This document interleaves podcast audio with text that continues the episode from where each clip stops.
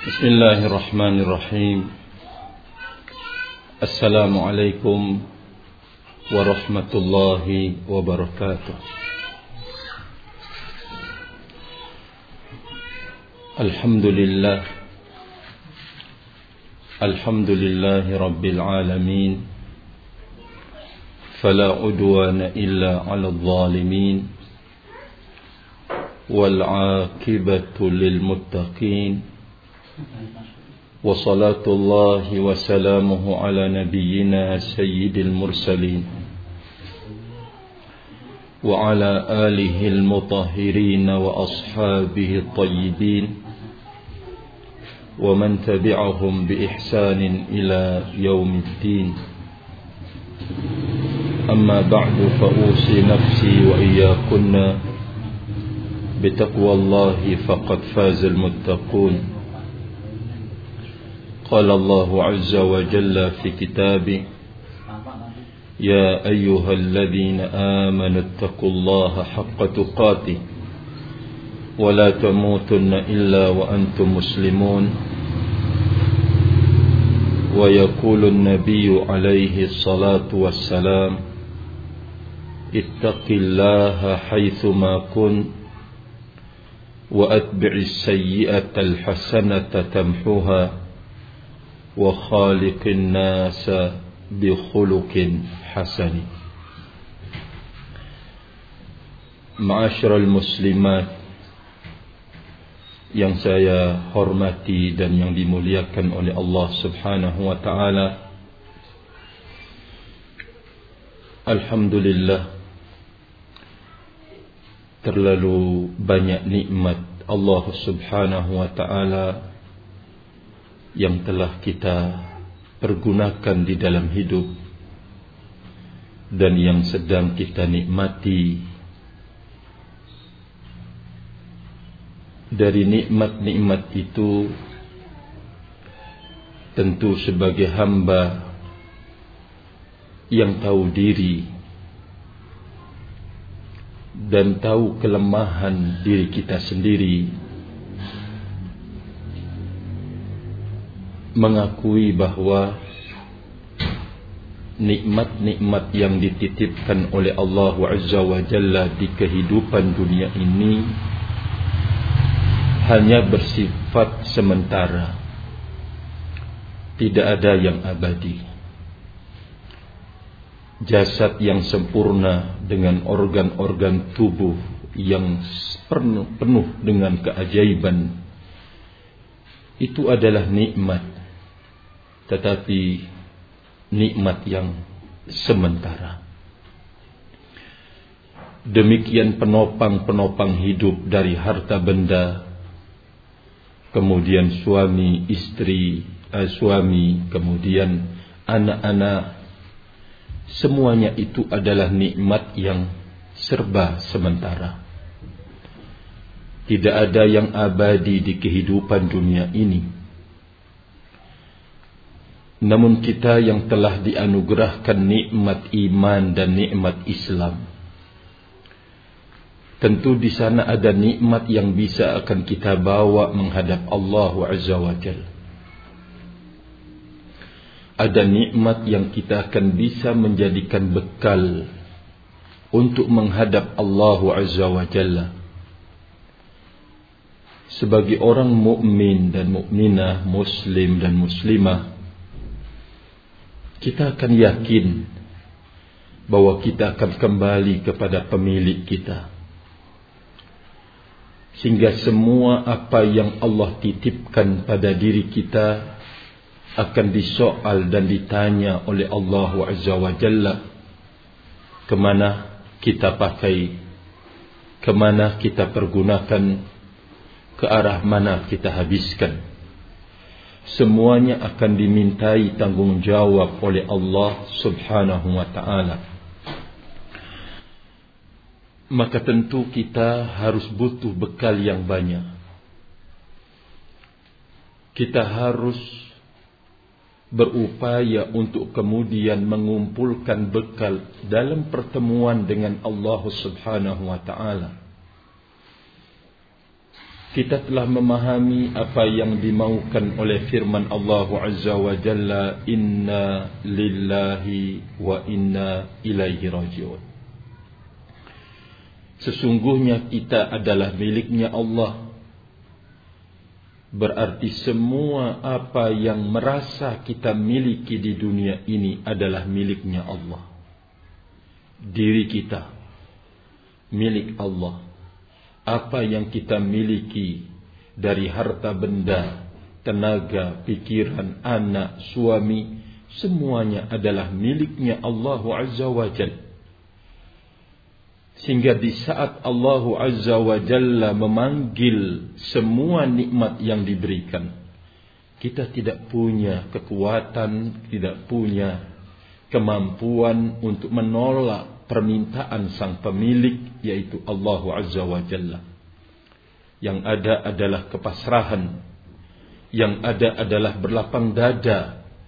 Yang ada adalah tuntutan untuk kita ridha dan tuntutan untuk kita mau bersabar atas ketentuan itu.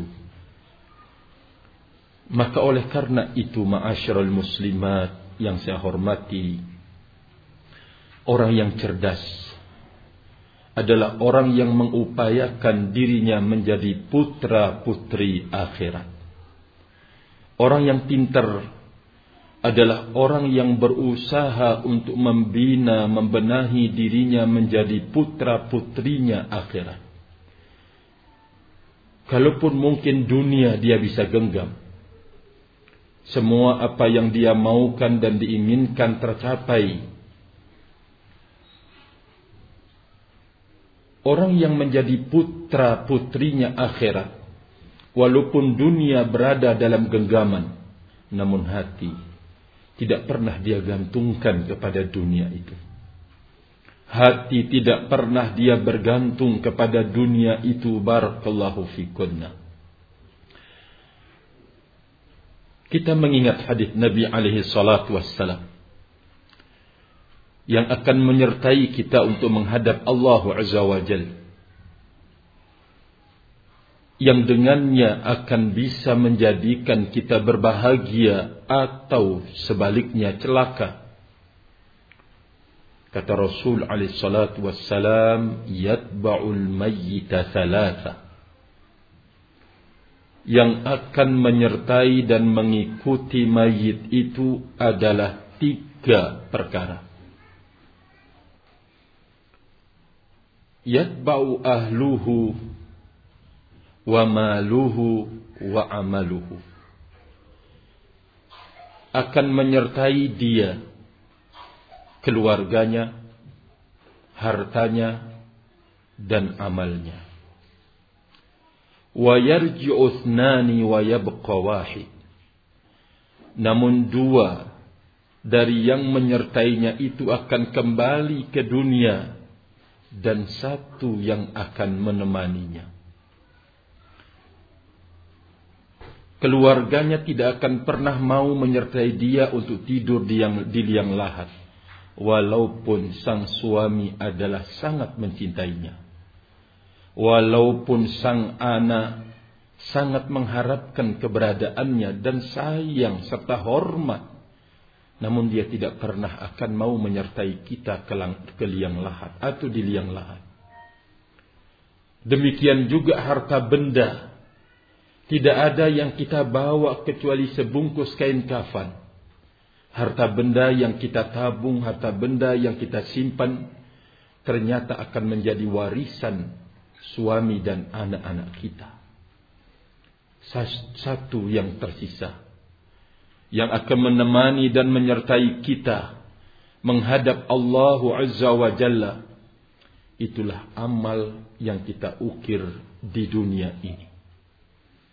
Fa in kana khairan fa khairun wa in kana syarran fa syarrun.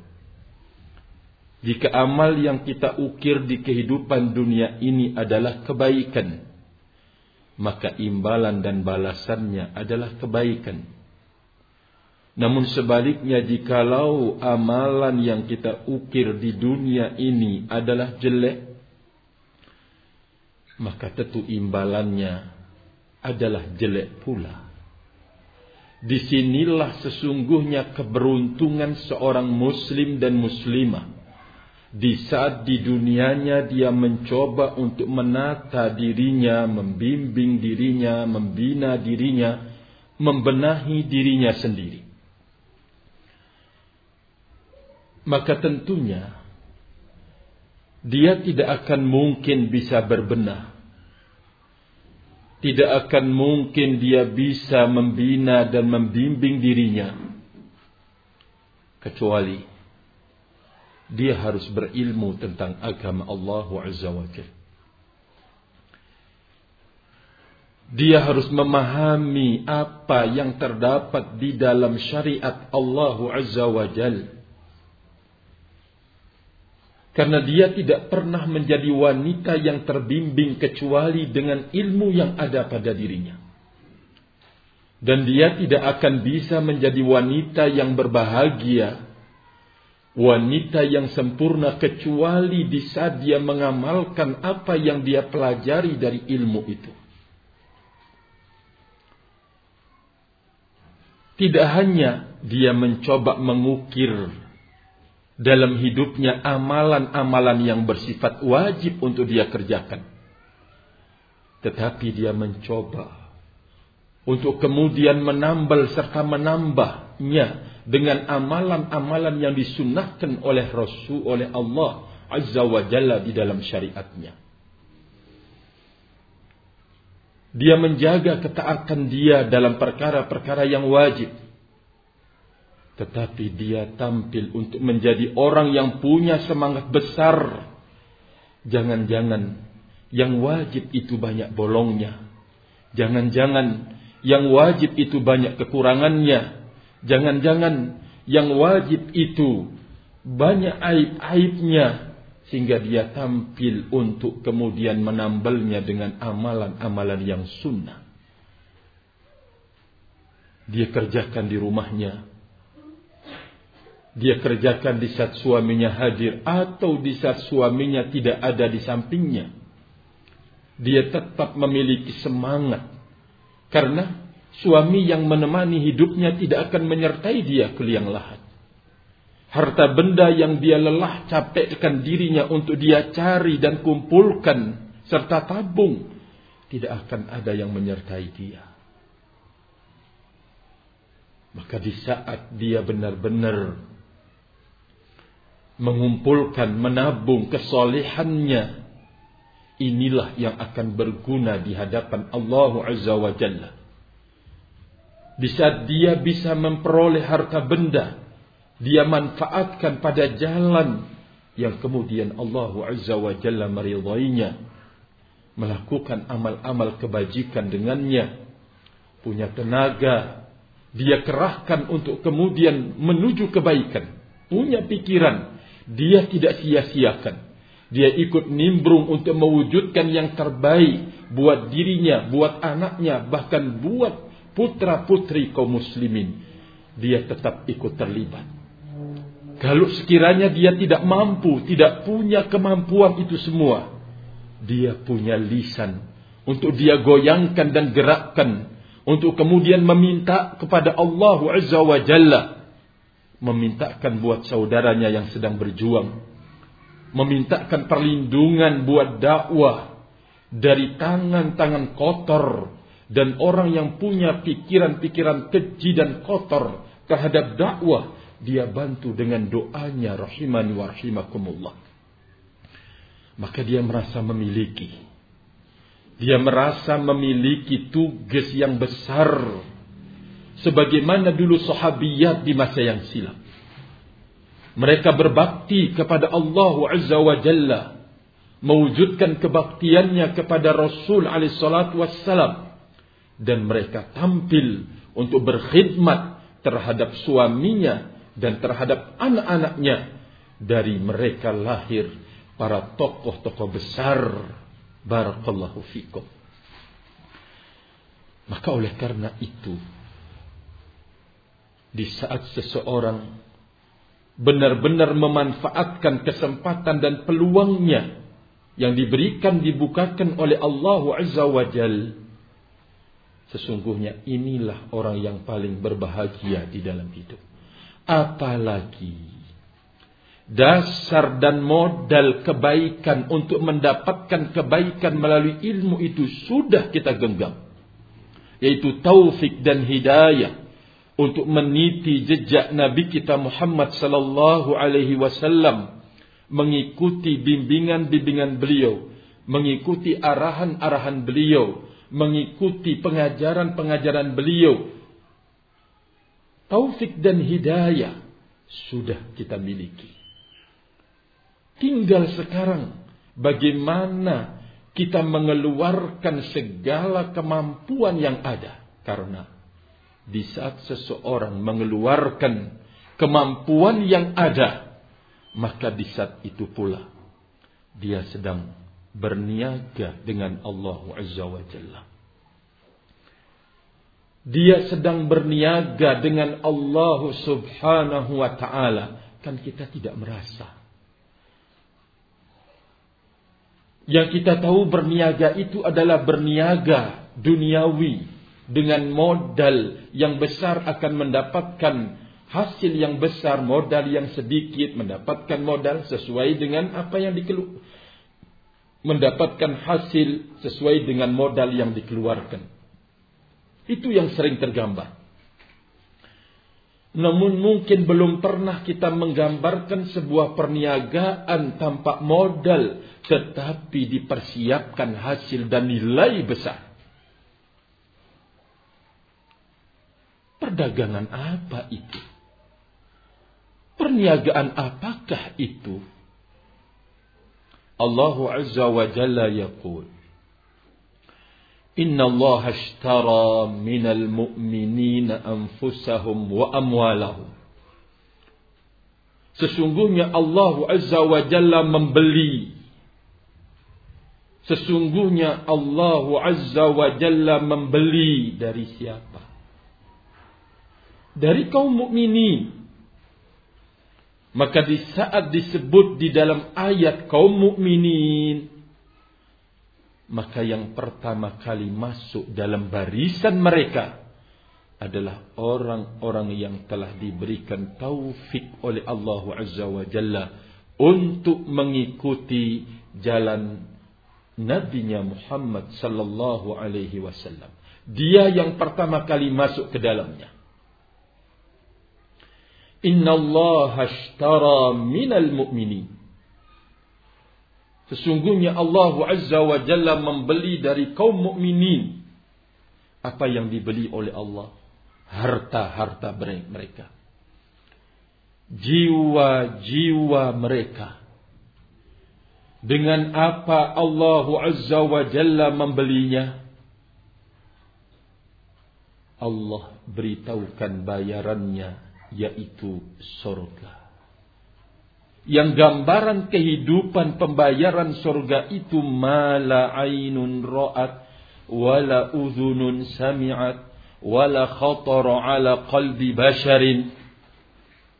Sebuah gambaran hidup yang akan menjadi bayarannya sesuatu yang tidak pernah terlihat oleh mata.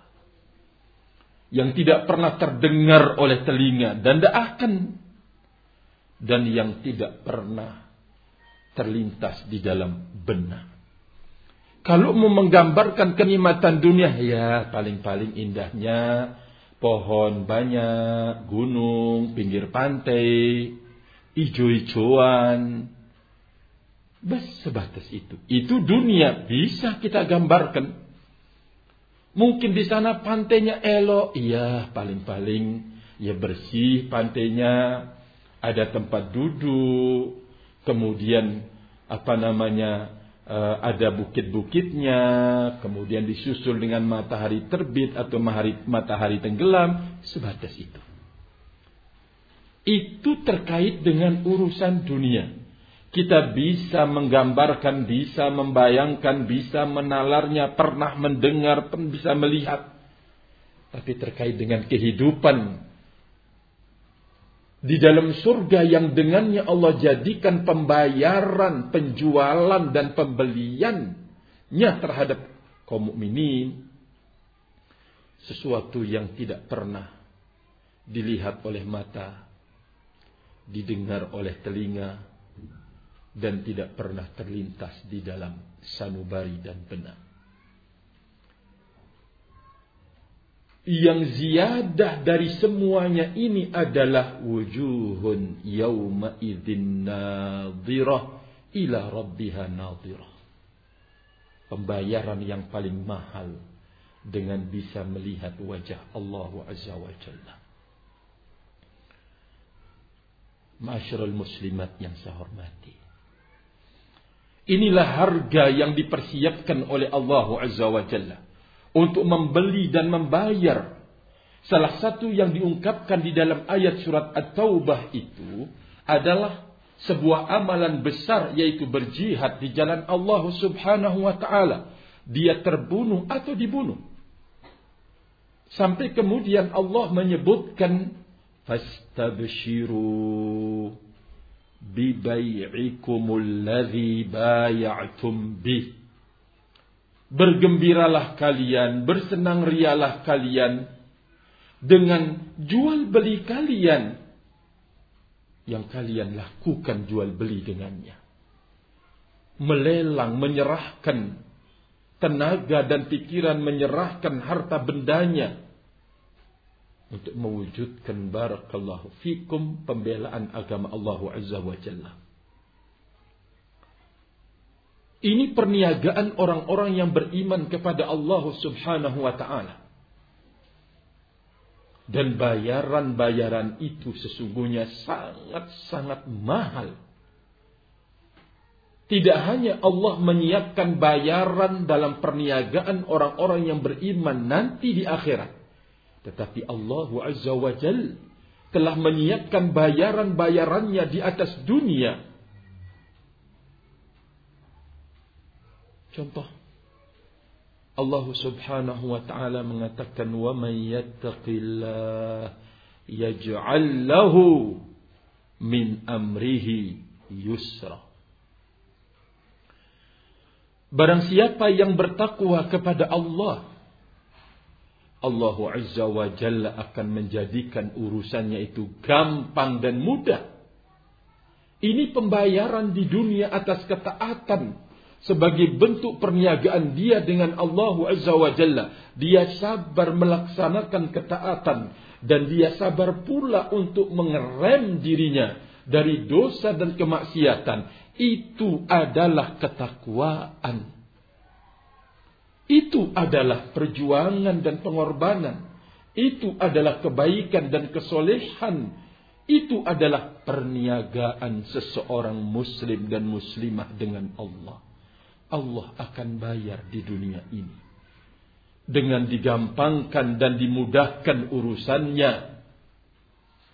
Lalu, bisa kita mencari atau membaca ayat-ayat yang lain. Allah menyebutkan jannah itu dipersiapkan bagi orang-orang yang bertakwa. Perniagaan barakallahu fikum.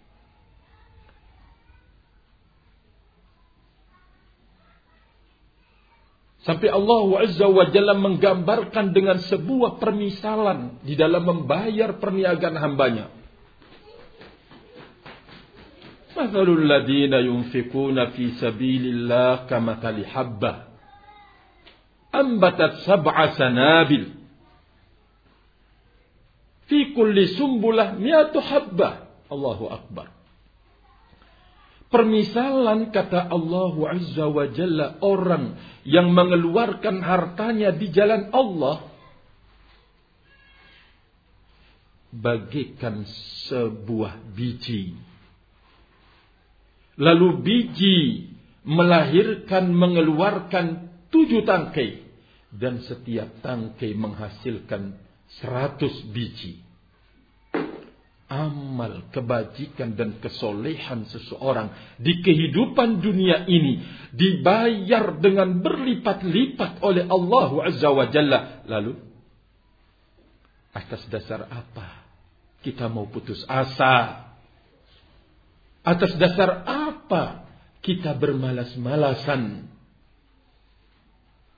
Allah Azza wa Jalla menyiapkan buat kaum mukminin berniaga dengan Allah tanpa modal. Kita tanpa modal. Iya. Kalau ada seseorang mengatakan bahwa dia akan bisa bekerja berbuat dengan tenaga, dengan pikiran, dengan harta benda, semuanya itu datang dari mana? Dari Allah Azza wa Jalla. Semuanya dipersiapkan, diberikan oleh Allah. Tinggal yang diminta oleh Allah Azza wa Jalla. Kita pergunakan semua pemberian Allah itu dalam perniagaan tersebut. Allah persiapkan ganjaran-ganjaran yang sangat besar. Ini sesungguhnya yang harus kita jadikan sebagai pengundang hasrat dan pendorong untuk kita terus berbuat, berbuat, berbuat dan berbuat. Ma'asyiral muslimat yang saya hormati. Setelah kita menyadari bahwa setiap kita sedang berniaga dengan Allah Azza wa Jalla dan kita tahu barang dagangan dan perniagaan itu adalah harta dan jiwa-jiwa kita. Berarti kita harus menyadari benar apa yang dikatakan oleh Allah bahwa kita tercipta untuk mengabdi dan beribadah. Semua apa yang Allah berikan dari harta benda ini dan nikmat-nikmat dengan beragam-ragam bentuk dan macamnya. Itu semuanya hanya sebagai penopang terhadap tugas besar kita barakallahu.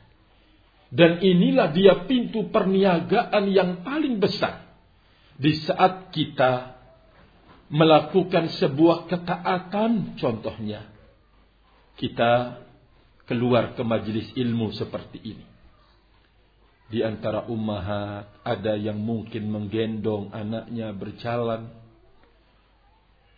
sudah menggendong anaknya dalam kondisi barakallahu fikum ada janin dalam kandungan dia bawa bersabar.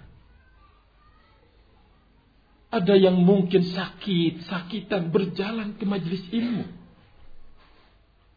Dia terus menumbuhkan dirinya bahwa dia sedang berniaga dengan Allah Azza Jalla. Sudah dibayar sesungguhnya di dunia ini perniagaan itu. Namun terkadang kita tidak merasa kalau itu adalah pembayaran dari Allah Azza Jalla. Apa yang kita lakukan duduk di majelis ilmu dengan membawa beban mungkin tadi kelelahan, kecapean, tapi dia sabarkan dirinya. Maka ini adalah gambaran sebuah perniagaan yang sangat-sangat menguntungkan. tanpa modal kita berbuat. Semuanya itu datang dari Allah Azza wa Jalla. Namun disiapkan bayaran yang sangat mahal. Sampai-sampai Allah Azza wa Jalla menggambarkan contoh pembayarannya itu dengan mengatakan Nabi sallallahu alaihi wasallam bersabda raq'atal fajri khairun minad dunya wa ma fiha Allahu akbar dua rakaat sholat sunnah sebelum subuh. Terkadang kan bablas umahat untuk mengerjakannya. Apalagi kalau dia bangun di malam hari, ya artinya waktu malam ingin menyiapkan jualan. Terkadang bablas semuanya. Cukup melaksanakan sholat subuh selesai. Tidak memperhatikan sunnah qabliyah, sunnah ba'diyah. Tidak dijaga. Barakallahu fikum. Padahal ini adalah perkara yang akan menambal dalam kekurangan tersebut. Rasulullah alaihi salatu wassalam menyebutkan rakaat al-fajri khairun minad dunya wa ma fiha. Sebuah bayaran amal yang bersifat sunnah muakkadah diberitahukan nilainya oleh Allah Azza wa Jalla Anda mampu mengerjakannya dua rakaat itu lebih baik bagi engkau dari dunia dan seisinya. Kapan? Kapan kita bisa memperoleh dunia? Kapan? Kalaupun bisa kita menabung ya mungkin tabungannya 0,0000 sekian persen. Mungkin kita dikatakan orang kaya seberapa sih? Tetap 0,00 sekian persen. Dibanding dengan dunia semuanya. Tetapi ternyata pembayaran ketaatan yang kita lakukan sebagai pintu berniaga dan berjualan dengan Allah Azza wa Jal. Dua rakaat sebelum sholat subuh. Lebih baik harga, harganya, nilainya dari dunia dan seisinya. Ya Allah, betapa murah Allah di dalam membayar dan mengganjar ketaatan hambanya. Barakallahu fikum. Maka oleh karena itu, ini sebagai sebuah pelajaran yang sangat berharga bagi kita. Agar membuang jauh, jauh kemalasan. Agar membuang jauh-jauh ya ingin santai, santai, santai. Di saat suaminya keluar untuk mencari nafkah. Di rumah dia bisa mengukir yang terbaik. Apakah dengan sholat-sholat sunnah. Sholat sunnah duha contohnya. Atau dia duduk dengan Al-Quran. Dia mengkhotamkan Al-Quran misalkan. Dia baca satu hari satu lembar. Dia jadikan wiridnya. Di sela-sela kesibukan. Badannya capek, badannya lelah namun dia tidak pernah kemudian melupakan perniagaan yang lebih lagi dengan Allah Azza wa Jal. Dia lakukan. Diajari anaknya di rumah, putranya, putrinya. Barakallahu fikum. Menghidupkan sholat sunnah duha di rumahnya. Menghidupkan barakallahu fikum. Dia membaca Al-Quran satu lembar sehari misalkan. Atau satu halaman saja terus surat Al-Baqarah khatam atau selesai dia masuk ke surat Al-Imran dia sabar betapa mulia usaha perniagaan yang dia lakukan karena setiap huruf yang dibaca dibayar oleh Allah Azza wa Jalla dengan sepuluh kebaikan betapa banyak tabungan dia Jangan sampai di saat setelah waktu kepingin jalan, kepingin keluar, kepingin ini, kepingin nongkrong ke rumah sebelah, kepingin. Jangan. Bersemangatlah dalam berniaga dengan Allah Azza wa Jalla. Di saat waktu malam, lelah badannya capek. Kita tidak mungkin akan bisa bangun malam. Tutup sebelum tidur untuk kita menutup sholat kita dengan sholat tarawih.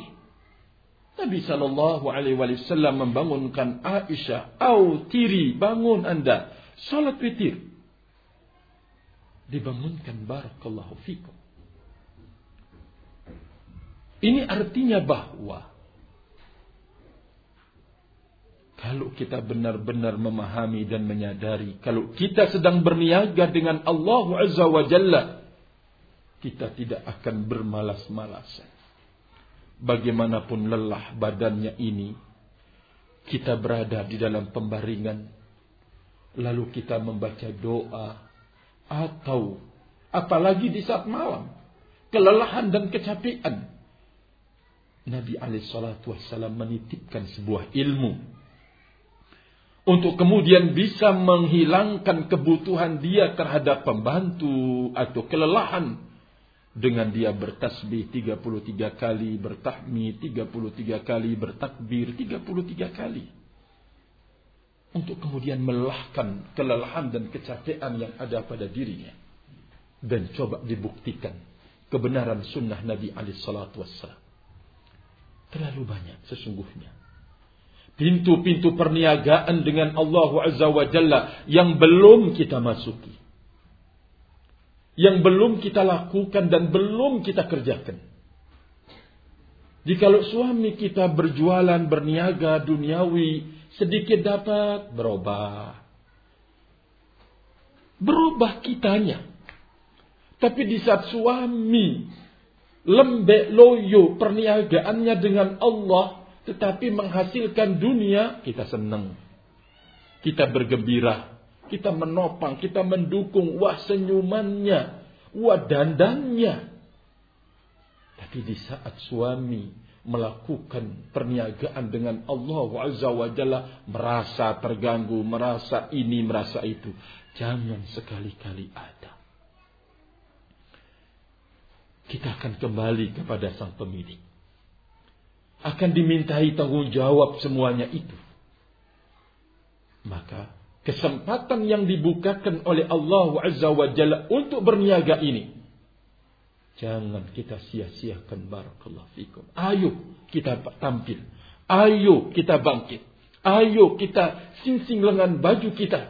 Ayo di atas betis yang kokoh dan kuat. Sambil terus meminta bantuan dan pertolongan dari Allah. Kita tidak pernah akan punya kemampuan untuk membuktikan perniagaan kita di hadapan Allah kecuali dengan bantuan dan pertolongannya ya Allah bantulah hambamu yang lemah ini. Ya Allah, bantulah hambamu untuk banyak bertaubat.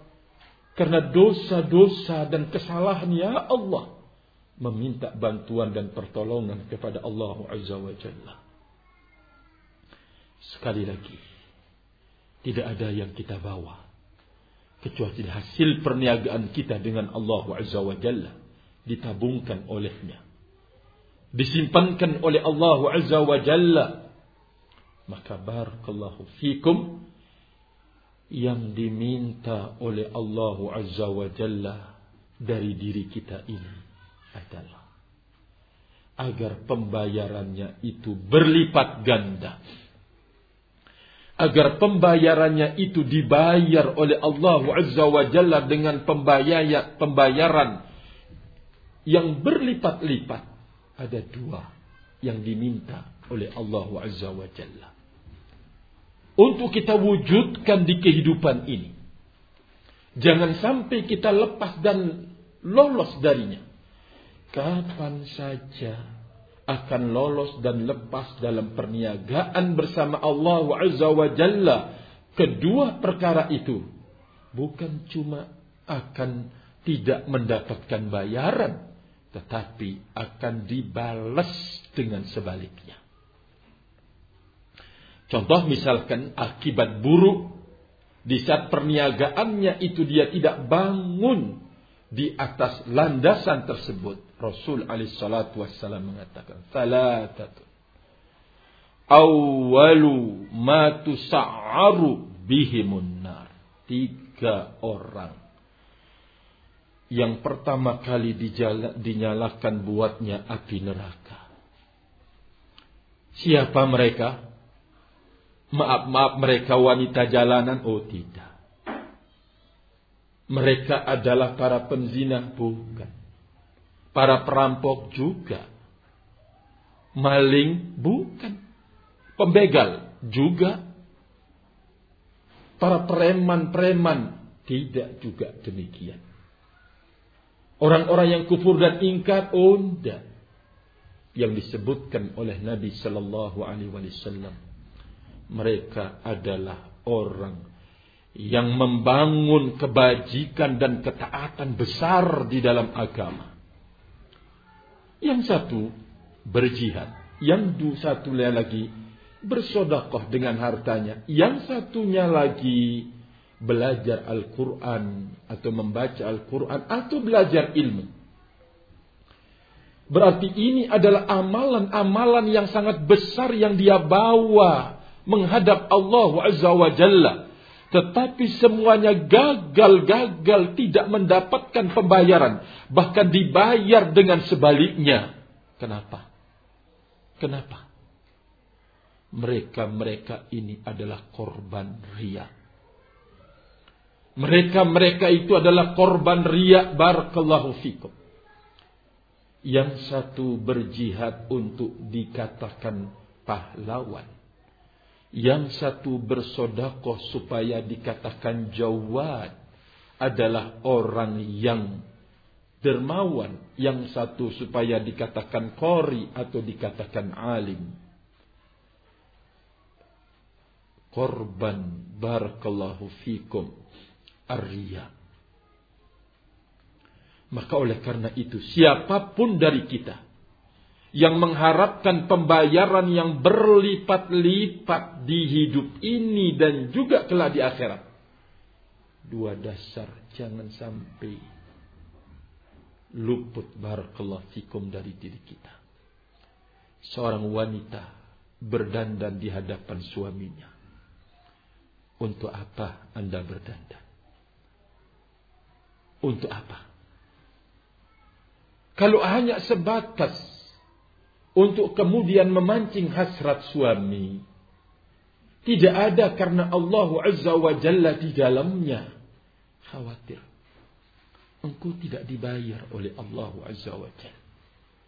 Coba niatkan bahwa engkau berdandan ini adalah karena melaksanakan perintah agama, yaitu menyenangkan hati suami, memancing hasrat suami, maka akan bernilai di sisi Allah Azza wa Jalla sebagai sebuah tabungan dan perniagaan yang akan dibayar. Maka oleh karena itu landasan perniagaan ini tidak boleh luput dari diri kita sendiri.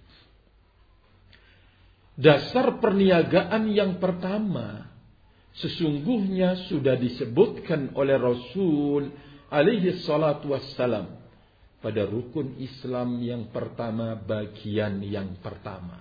Ashadu alla ilaha illallah. Aku bersaksi bahwa tidak ada sesembahan kecuali Allah. Maknanya bahwa semua ragam dan bentuk ketaatan yang kita lakukan tidak boleh kita berikan kecuali niatan, kemauan, keinginan untuk mencapai wajah dan nilai dari Allah Subhanahu wa taala. Ini yang pertama. Jadi semua gerak-gerik bukan cuma gerak-gerik lahiriah kita. Tetapi gerak-gerik batiniah kita dalam ibadah-ibadah besar. Harus barakallahu fikum. Untuk Allah Azza wa Jalla.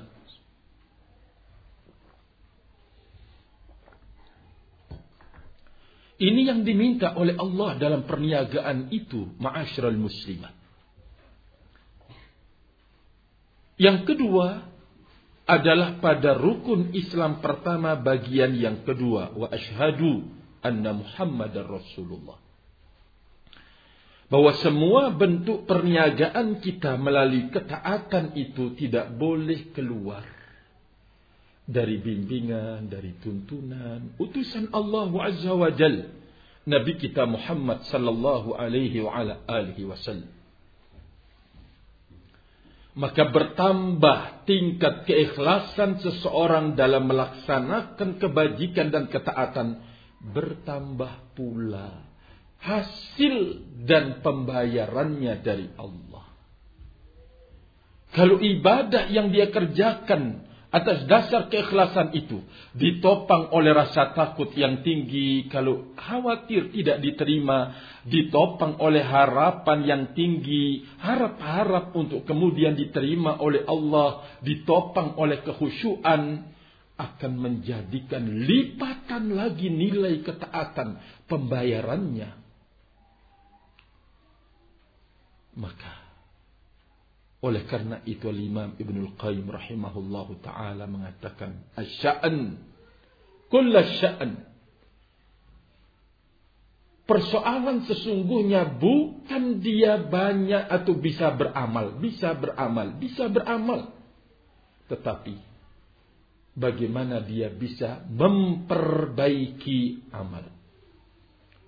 Maka memperbaiki amal itu ini yang dimaksud di saat kita membangunnya di atas dua landasan ini. Ketika kita mengucapkan salam sama teman kita atau berziarah, karena apa kita berziarah? Maka oleh karena itu, ma'asyiral muslimat yang saya hormati, kita harus benar-benar menjaga perniagaan dengan Allah Azza wa Jalla dengan dua modal besar yang karenanya perniagaan itu akan dibayar dan karenanya pula perniagaan itu pembayarannya berlipat-lipat. Kalau ketaatan itu sudah dibangun di atas ini, tidak akan ada pintunya untuk kemudian dia ujub,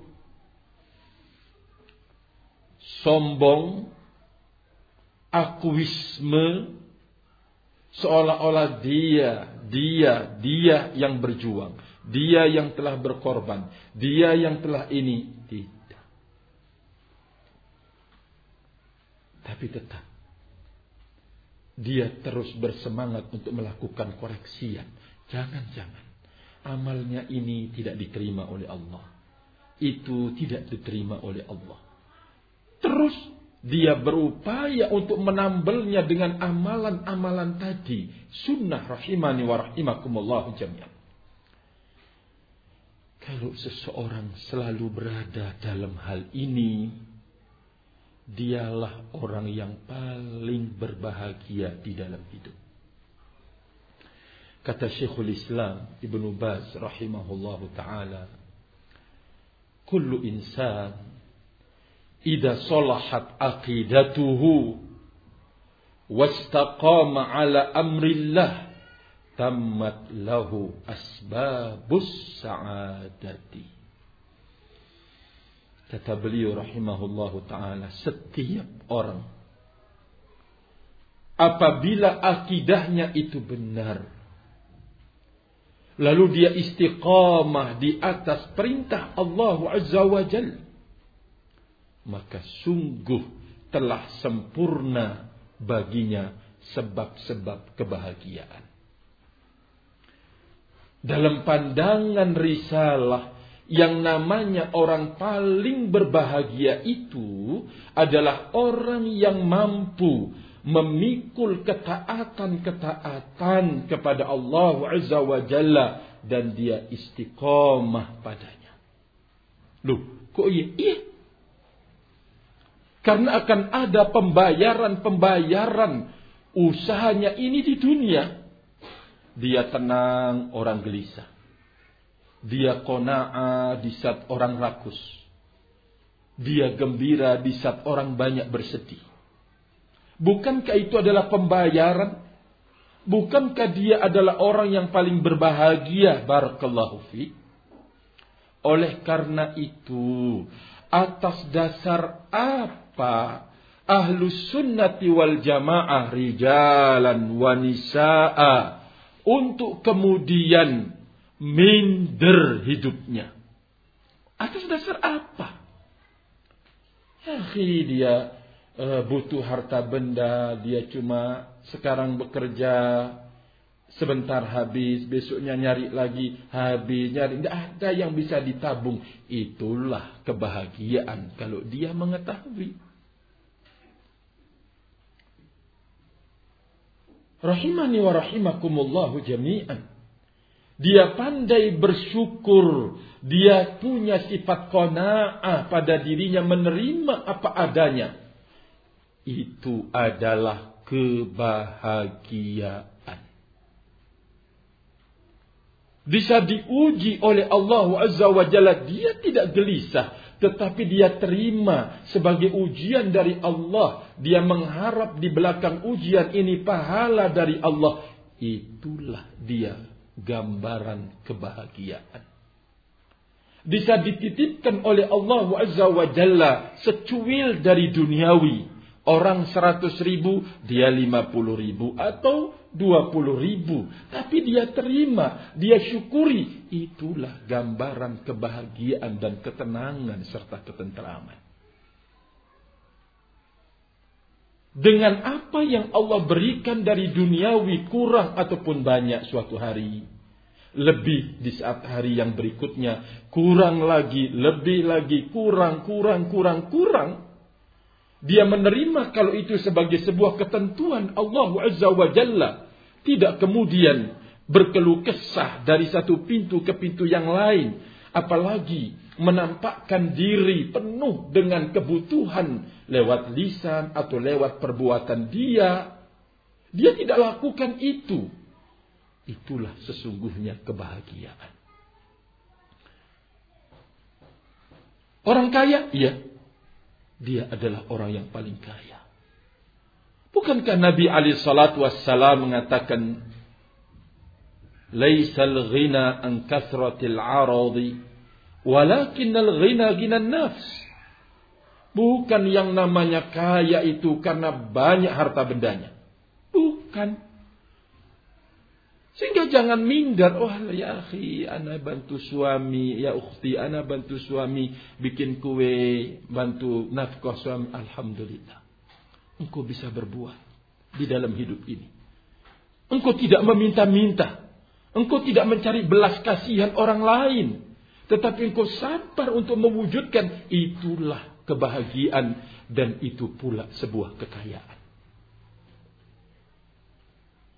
Oleh karena itu ma'asyiral muslimat yang saya hormati bahwa kebahagiaan itu karena sebuah hasil pengelolaan hidup ini di atas bimbingan agama Allah Azza wa Jalla. Dan kita telah menggenggamnya sesungguhnya untuk mengelola diri kita sendiri. Sehingga selalu tenang, selalu tentram, selalu bahagia, selalu berada di dalam kesempurnaan. Itulah dia hidayah untuk kita mengilmui agamanya. Dan taufik untuk kita mengamalkan tuntunan dan bimbingan Nabi kita Muhammad sallallahu alaihi wasallam. Inilah kekayaan ma'asyiral muslimat. Maka sekali lagi tidak ada alasan bagi ahlus sunnah wal jamaah untuk minder. Tidak ada barakallahu alasan untuk berkecil hati. Dia telah mendapatkan yang termahal di dalam hidup. Dia telah memperoleh yang paling tinggi nilainya di dalam hidup. Atas dasar apa? Dia memiliki jiwa yang kerdil. Dan nanti anakku mau kerja, tidak bawa ijazah. Terus? Mau kerja bagaimana? Coba lihat saudagar-saudagar besar. Terkadang sekolah sampai SMP. Tidak dimanfaatkan. Tidak ada yang cocok dan sesuai. Dan tidak diajarkan dalam pendidikan bagaimana berdagang sukses. Tidak ada. Masuk ke fakultas. Perguruan tinggi. Biaya besar. Ambil jurusan tata boga. Misalkan. Barakallahu fi. Ternyata dia tidak menggunakan ilmunya. Bukankah sebuah kerugian? Dia tidak memanfaatkan ilmu tata boganya, tetapi dia bisa menjahit, dia bisa ini, misalkan. Artinya bagaimana? Apa yang Anda khawatirkan harta benda kehidupan dunia buat putra putri sudah ditanggung oleh pemilik hidupnya yaitu Allah Azza wa Jalla. Kenapa? Anda harus merasa khawatir. Semuanya sudah ada dalam catatan dan pembagian di atas keadilan. Engkau sebagai seorang bapak yang kaya, sudah ditentukan itu rezekinya oleh Allah Azza wa Jalla dari harta yang Anda kumpulkan berapa yang Anda bisa nikmati. Ya sana anak biaya istri saya, anak-anak. Lah itu dia. Bahwa lewat jalur engkaulah sang istrimu diberikan rezeki oleh Allah, rezekinya oleh Allah, anak-anakmu. Jangan sombong. Jangan seolah-olah Anda ini sudah berkorban besar untuk mereka. Oh jangan. Apa yang Anda nikmati, pakaian yang usang yang Anda lah apa ya, pakai itulah rezeki. Tapi yang Anda tabung itu bukan sesungguhnya belum menjadi rezekinya engkau. Kemungkinan hilang, kemungkinan dipakai kepada tempat yang lain dan seterusnya. Maksudnya bahwa terkait dengan urusan dunia sudah dijamin oleh Allah Azza wa Jalla. Adapun terkait dengan akhirat tergantung dari masing-masing kita. Ini yang mahal. Lah, kalau sekiranya seseorang sudah mendapatkan modal untuk kemudian beruntung akhiratnya, bukankah ini adalah nikmat yang sangat besar di dalam hidup?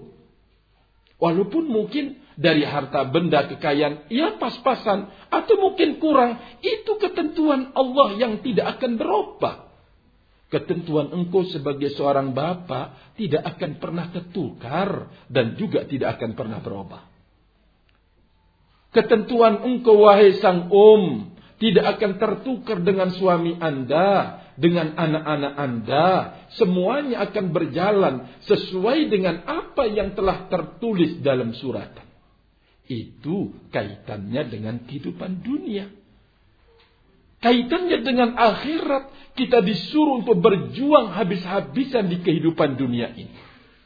Namun tetapkan ketentuan. Tapi Allah menyuruh kita. Sekarang Allah telah berikan kita modal untuk berjuang untuk kehidupan akhirat. Ini yang paling mahal ma'asyiral muslimat. Ini yang harus kita jaga Modal ini yang harus kita lindungi di dalam hidup. Jangan sampai kita bermalas-malasan apalagi jiwa minder. Coba lihat orang-orang kaya. Banyak diperbudak oleh harta bendanya. Menjadi budak berarti atas dasar apa dia akan berbahagia dan atas dasar apa kita memberikan penilaian kalau dia adalah orang yang paling bahagia. Naik mobil, oh dia merasa tersiksa di atas mobilnya. Kenapa? Karena penuh kepalanya dengan beban-beban ini itu. Dia tidak tenang. Dia tidak tentram. Berbeda dengan seseorang yang Allah berikan apa adanya. Dia berada fi ta'atihi dalam ketaatan kepada Allah. Sesungguhnya dia harus merasa kaya dengan anugerah Allah Azza wa Jalla berbentuk hidayah itu. Ma'asyiral muslimat yang saya hormati. Maka inilah barakallahu fikum dasar untuk kemudian terus kita berbuat, berbuat, bergembira, bersenang ria dan kita harus berbesar hati bahwa kita berada dalam sebuah nikmat yang agung dan besar barakallahu fikum. Mungkin ini yang bisa saya sampaikan pada kesempatan kali ini. Semoga ada manfaatnya buat saya, dan juga buat segenap ya muslimat yang saya hormati rahimani wa rahimakumullah. Dan tentunya mohon maaf saya tidak membaca ya pertanyaan namun saya menyampaikan wasiat dan nasihat ini. Semoga berguna buat kita semuanya. Wallahu taala alam bisawab wallahu taala alam bisawab mohon maaf atas segala kekurangan dan kesalahan nastaghfirullah al-azim datangnya dari diri dan syaitan kebenaran itu semata-mata dari Allah azza wa jalla. Wa akhiru da'wana anil hamdulillah subhanaka allahumma bihamdika ashhadu an la ilaha illa anta astaghfiruka wa atubu ilaik wassalamu alaikum warahmatullahi wabarakatuh